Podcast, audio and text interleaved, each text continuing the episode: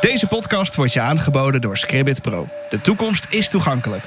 Deze week ben ik de gast op kasteel Ammersoyen. Een oud ridderkasteel uit omstreeks 1300 met vier torens, twee grachten en een ridderzaal.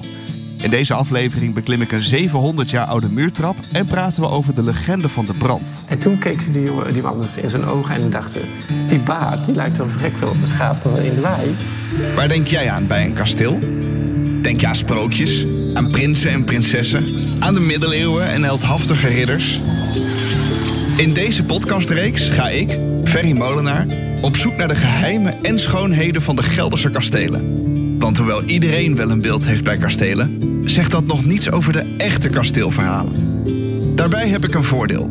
Ik ben namelijk blind. Hierdoor stel ik andere vragen dan jij misschien zou doen. Waardoor ik bijna letterlijk voorbij het beeld kan spieken. Voorbij het. Ga je mee?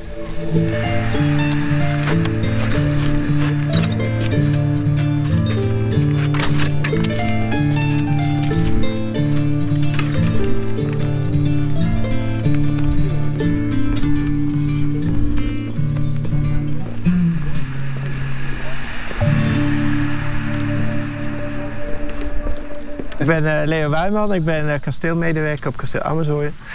Ik werk nu 20 jaar eh, in dit kasteel. En ik begon heel enthousiast als gids. En inmiddels eh, is het uitgebreid tot kasteelmedewerker.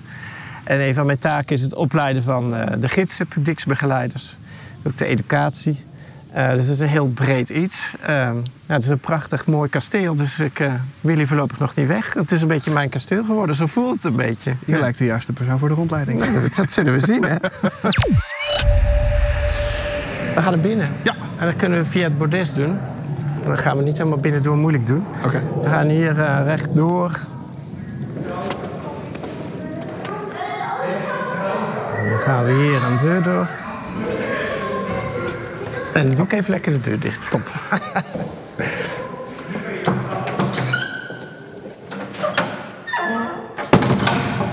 in dit kasteel eh, zijn eh, aan de zuidkant overal muurtrappen verwerkt. Ja. En dat zijn za- smalle trapjes die in de dikke muren zitten.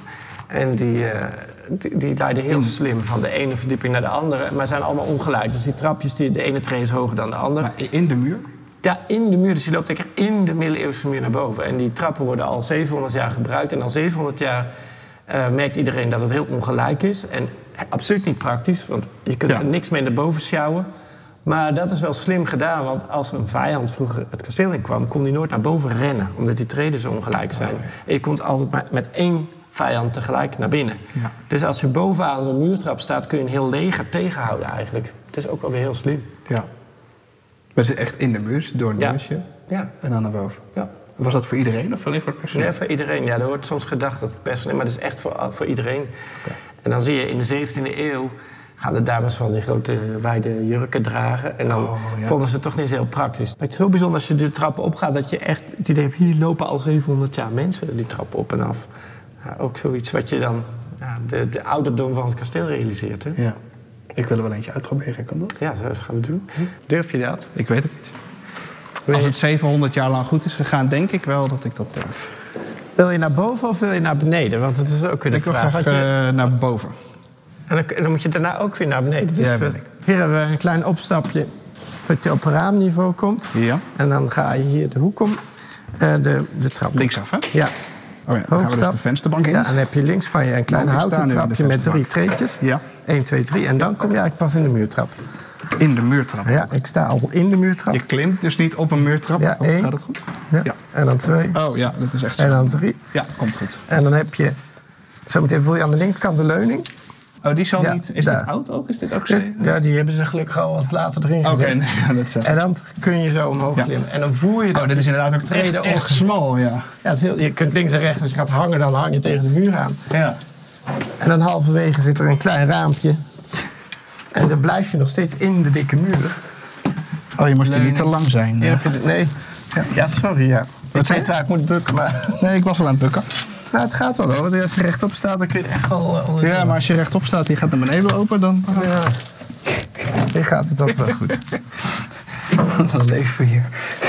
Ja, en dan heb je nog twee trits uit de leuning op. Doe voorzichtig op de trap. Ja. Wij hebben het overleefd. Niks gebroken. Nee. Nee, Confronterend voor de conditie. ik zou dat kasteel niet willen bestormen. Nou ja. ja, maar dat is wel zo hier. En dan heb ik wel eens dat je 's ochtends het kasteel moet openen. Dan moet je al die trappen op en dan allemaal weer af en dan licht aan. En als je dan ben ik wel eens een beetje later, dan moet je hard rennen. Nou, dan, dan voel je het wel. Ja. Ja. ja. En ook omdat ze zo ongelijk zijn hoor. Dat, eh, dat maakt Ja, het ook wel. dat is echt heel goed opletten ook. Het verhaal van de brand wil je horen, hè? Ja, Wil je blijven staan of wil je zitten? Je wil vast even in zo'n vensterbank zitten. zeker. Ja, Ja, dan moet je even dat heb ik klein- al eens eerder gedaan. Dat zat zo lekker. Dat Ja, ja, dat nog kan een ik me keer. heel goed voorstellen. Een klein stapje omhoog. Even kijken. Ja. En dan rechts naast je, daar eh, begint Hier kan ik gelijk... eh, je ja, oh, dat gaat goed komen. Ja. ja. Nou, gaan we er Wil je bij het? Ja, ik denk dat Nee, ik het- ga lekker hier Ja, op het ga lekker zitten. zitten. In, eh, in 1590 woonde hier de familie van Arkel. En dat was Joris van Arkel met zijn echtgenoot. En ze hadden drie kinderen. En eh, een van die drie kinderen hangt hier ook... eh dus hangt hier niet, maar er hangt een schilderij van haar hier aan de muur. En dat is Catharina van Arkel. Eh Catharina die heeft een, een, een meisje in een rode jurk. Ze is hier afgebeeld als een meisje dat acht jaar oud is. Ze heeft een hele mooie fluwelen rode jurk aan. Er is een lange gouden ketting om. En je ziet onmiddellijk dat ze een belangrijke adellijke dame was. Ook al was ze pas acht. Maar ze woonde hier met haar broer en haar zus. En haar ouders dus. En eh, in eh, de, de legende van Amersfoort was er nog een vierde in dat gezin. En een zus die Ada heette. En Ada eh, was een hele opstandige dochter die niet wilde luisteren naar haar ouders. Was echt zo'n hele vervelende puber die gewoon haar eigen gang wilde gaan. Maar die van Arkels waren echt een belangrijke familie. En het was natuurlijk belangrijk dat zij als oudste dochter een eh, belangrijke man zou treffen en een goed huwelijk zou krijgen. Maar Ada wilde absoluut geen gearrangeerd huwelijk. Ze wilde zelf kiezen met wie ze zou willen trouwen. Ze wilde haar eigen ding doen. En dat deed ze al de hele jeugd. Ehm, en hoe ouder ze werd, hoe groter het probleem voor haar ouders werd. Want zij moest gewoon goed terechtkomen. En ze, ze wilde dat absoluut niet. Zij was verliefd geworden op de koetsier van de familie. En eh, daar ging ze vaak ook eh, samen gezellig vissen langs de slotgracht. En hadden eh, hele diepzinnige gesprekken. En tijdens een van die gesprekken heeft, hebben ze aan elkaar beloofd om met elkaar te trouwen als ze later 18 zouden worden. En die jongen die wist wel, dat gaat natuurlijk nooit gebeuren. De dochter van de kasteel hier. En zij wist eigenlijk wel, dat lukt natuurlijk nooit. Maar ze heeft toch haar zinnen gezet op die jongen. En ehm, haar ouders zagen echt wel een probleem aankomen. Want ja, hoe gaan we dat eh, verkopen natuurlijk?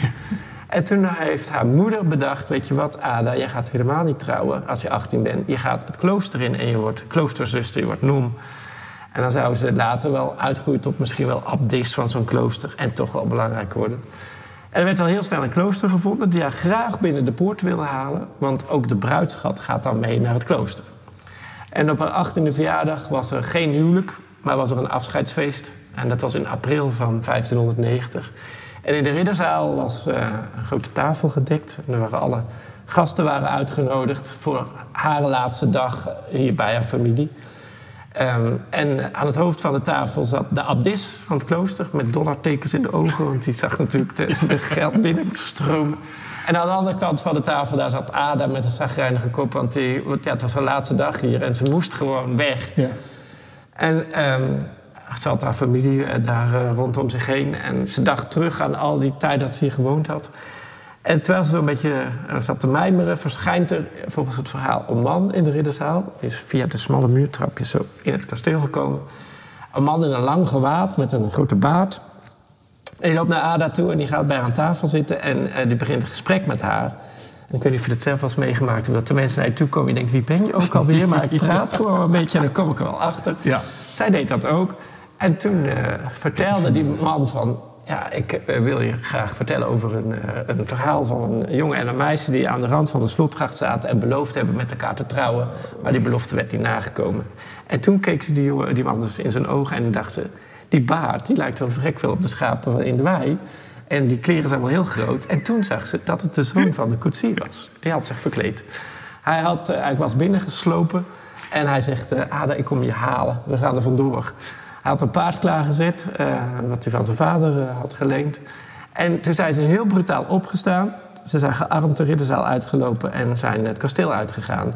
En dan zijn er twee versies van het verhaal. De ene is dat eh, de jongen bewust brand gesticht heeft op de binnenplaats... waardoor er onrust ontstond en ze weg konden komen. En de andere versie is dat de mensen die aan tafel zaten dachten van... hé, hey, wat gebeurt hier? Wie is die man? Waar gaat Ada naartoe? De abdis die dacht, waar gaat mijn geld naartoe? en dat iemand een kaars heeft omgegooid en dat er zo brand ontstaan is. We weten dat die brand ook echt plaatsgevonden heeft. Ehm, dat vuur verspreidde zich enorm snel in het kasteel. En eh, eh, de vader van Ada, Joris, die is zo zwaar verbrand geraakt... dat hij een paar dagen later overleed. Het kasteel was inmiddels helemaal uitgefikt. En ze zijn op zoek gegaan naar spulletjes. En ze zijn ook op zoek gegaan naar Ada en naar minnaar. Maar die waren er natuurlijk vandoor. Ja. En uh, volgens de spookversie van, het, uh, van de legende zou Ada vele jaren later nog hier teruggekomen zijn en hier voor eeuwig rond moeten spoken. Omdat het haar schuld is dat het kasteel afgebrand is, omdat ze niet geluisterd heeft naar haar ouders. En nog steeds, ja, dat klinkt stom, gebeuren er dingen in dat kasteel waarvan wij roepen: Ha, Ada is weer bezig. En dan klapt er ergens een luik dicht of er vliegt een deur open... of we horen gelopen op zolder terwijl er niemand is. En dan zeggen we, oh, Ada is weer aan het rellen. Dus we hebben een heel spannend spook. Uh, en dat heeft allemaal te maken met die grote brand. En uh, ja, we hebben geen schilderij uh, waarop Ada staat... maar wel een schilderij van haar zus, van Catharina, die hier hangt. Ik, ik, ik wil heel graag in de eerste versie geloven. Ja. Zo heldhaftig. Ja, stoer. Hè? Dat je gewoon je eigen ding doet. En dat in zo'n familie. Ja. ja. En er zit... Ja, die, die van Akels... Die waren wel geruineerd door de, de brand. Ja. En het, uh, ja, de 80-jarige oorlog is dan net begonnen. Het is hier heel onrustig. Mm -hmm. En pas 50 jaar later hebben ze het kasteel weer op kunnen bouwen. En dan zitten wow. we al in het midden van de 17e eeuw. Ja. Ja, eigenlijk is het helemaal niet grappig, maar... Ja, het is hartstikke grappig. Ja, maar het is, het is super intens als je zo'n familiedrama meemaakt. Ja. Maar ja, het is 1590. Ja. Sommige dingen zijn zo oud, dan mag je om lachen. is... Ja. Uh, zo mythisch, ja. In deze uh, kemenade hangen nog weer uh, portretten van belangrijke vrouwen voor dit kasteel. En een ervan is Johanna de la Couture. Buiten zijn haar wapens te zien in de, in de muren van het kasteel, maar ze hangt hier er is hier een portret van haar. En zij heeft het kasteel weer opgebouwd uh, in 1640. Zij is getrouwd met Thomas van Arkel. En zij was een ontzettend rijke vrouw. En Thomas zat met een afgefikt kasteel. Dus dat was ook een bijzonder huwelijk. Ze zijn wel heel gelukkig geweest, weten we. Uh, ze zijn 50 jaar getrouwd geweest. En zij hebben samen het hele kasteel weer opgebouwd. Uh, uh, ja, dat was een ruïne eigenlijk. De middeleeuwse muren die zijn, die waren er allemaal nog, die zijn er nog steeds. Maar al het houtwerk uh, is van de 17e eeuw. Hoe vaker dan tijdens die renovatie op Ada gescholden is. ja, heel vaak denk ik. Ja. Ja, en dat doen we nog wel eens. We schelden nog wel eens op Ada. Ja. Zoveel jaar later. Ja, ja, ze leeft nog steeds voort. Ja. Uh, het bijzondere is dat, dat, dat je dat... Ja, ik ben er heel sceptisch in. Maar het, al mijn collega's hebben wel dingen meegemaakt... waarvan we zeggen, oh, Ada was weer bezig. Dat de lichten knipperen. We hebben wekenlang gehad dat alle lichten in het kasteel aan het knipperen waren. Denk, oh, 431 en, jaar. Ze is gewoon nog steeds bezig, ja. ja. Mooi, ja. Maar we, hoe, we zitten nu in de vensterbank. Ja. Sorry, mama. Um, wat, is er, wat, wat, is hier nog meer dan? Want hoeveel, hoeveel van deze... Ik ben geneigd het nisjes te noemen. Nou, het is wel een flinke nis, hoor. Ja, precies. Maar... Nou, het, uh, we hebben twee uh, raamopeningen. Wij zitten in één van de twee. Deze ja. kijkt uit op de zuidkant van het kasteel. En ook aan de oostkant zit zo'n raamopening met uh, twee vensterbanken tegenover elkaar. Ja. Waar wij zitten is maar één bank. En daar tegenover ons zit een deur met een klein trapje. En daarachter zit een muurtrap die gaat naar de zolder van de toren die hierachter zit. Okay. En um, in, de, in de kamer zelf staan heel weinig meubels, want dat was toen niet zo gebruikelijk. Ja. Maar er is een, uh, een, een, een, muurkast waar vroeger de mensen hun spullen in konden zetten, dus uh, met een plank. Er is een uh, kaarsennis, waar, en dat is eigenlijk een klein een gat in de muur zou je kunnen zeggen, waar je je kaars of je olielampje in zette. Ja. Want het waarde natuurlijk vroeger lekker in het kasteel. Want glas hadden oh, ze dan bleef je dat uit de tocht houden. De tocht die ja. natuurlijk verschrikkelijk. Dus dan waarden al die kaarsen uit, dus dan zette je ze daar neer. Ja. En heel spannend, er zit een klein luikje wat open staat. En vroeger zat daar uh, de huiskapel achter. En dat was een klein kerkje voor de familie die hier woonde. Mm -hmm. En in die kerk mochten alleen maar mannen komen. En de mannen gingen door een grote deur in de ridderzaal die kapel in. En de dames bleven hier in de kemenade. En deden dan het luikje open en konden zo dan toch de dienst volgen. En dat luikje is er nog. Maar die kapel is verwoest bij de grote brand van 1590. En hier, uh, dit is zo'n bijzondere plek, vind ik altijd. Je kunt zo goed voorstellen hoe hier ge gewoond werd en hoe de mensen hier leefden. En in gedachten zie je die, die, die ridders binnenkomen en, en uh, uh, allerlei mensen die op reis zijn en hier wat gezellig komen eten of ja. langskomen met verhalen komen van andere kastelen. En uh, er komt de haard aan. Er zit een hele grote open haard in deze ruimte. Okay. Uh, met zo'n vakwerkschouder boven. En uh, dan was het hier zwinters ook lekker warm. En ik zie hem helemaal voor elkaar staan aan, uh, vuurtje aan. En dan, dan, er was geen tv, dus je ging gezellig verhalen vertellen. Ja. Je kunt je echt voorstellen dat hier nou, 400, 500 jaar geleden uh, van de jonkvrouwen zaten met een borduurwerkje of uh, gezellig zaten te kletsen. Heb je, niet, heb je niet de neiging om hier zelf s'avonds een keer te gaan zitten? En dacht je dat ik dat niet deed dan? Als ik s'avonds... Het, het, heeft volgens mij voordelen om hier te werken. Ja, zeker weten. Want... Stiekem pizzatje bestellen. Nee, dat doe ik niet. Oh. Nee, dat mag niet. nee, maar dit is echt een hele mooie plek. Maar ik voel hem wel. Het is wel echt een plekje, denk ik, ja, s'avonds. Ja, ja. ja, maar het is gewoon altijd fijn. Die, die, kamer is heel fijn. Dit, als, je, als ik uh, het kasteel moet sluiten aan het eind van de dag... en alle bezoekers weg zijn, dan, dan, is het kasteel helemaal voor mij alleen. Dan is er niemand. Dan ga je al die, die muurtrapjes af en de lichten uit en het deurtje dicht. En dan kom ik altijd hier door die kemenade en dan ga ik hier wel eens even zitten zo. En vooral s'avonds komt de, de avondzon naar binnen en dan is het hier zo, uh, zo bijzonder. Wil je ook de muurtrappen beklimmen of lekker wegdromen in de vensterbank van de Kemenade? Dan is een bezoek aan kasteel Ammersoyen absoluut aan te raden. Kijk voor de prijzen, rondleidingen, beschikbaarheid en evenementen op de website van dit kasteel. Een link naar de website van kasteel Ammersoyen is terug te vinden in de beschrijving van deze aflevering. Deze podcast wordt je aangeboden door Scribbit Pro. Mijn naam is Rebecca Raadsen. Ik maak luisterboeken die ik verrijk met geluidseffecten en muziek. En die eerst zelf geschreven heb. En dat is eigenlijk ook het leukste, vind ik. En hoeveel zie ik nog? Nou, eigenlijk helemaal niks. Waar denk je aan bij kastelen? Bij kastelen denk ik vooral aan Europese kastelen. Dus van aan forten die eigenlijk helemaal gemaakt zijn om oorlog mee te voeren. Het plaatje wat ik vooral in mijn hoofd heb is een gebouw. Nou, eerst muren, dan een soort binnen het gebied waar ook eventueel nog een stad kan zijn. En dan een soort hoofdgebouw en daar zie ik altijd een soort van torens vormen. Met kantelen. En met valhekken. En hele kleine schietgaten. Dat zie ik voor me. Oké. Hey, en is er na het luisteren van deze aflevering iets in je beeld veranderd of aangevuld? Ja, die muurtrappen zijn erbij gekomen. Die waren er eerst niet.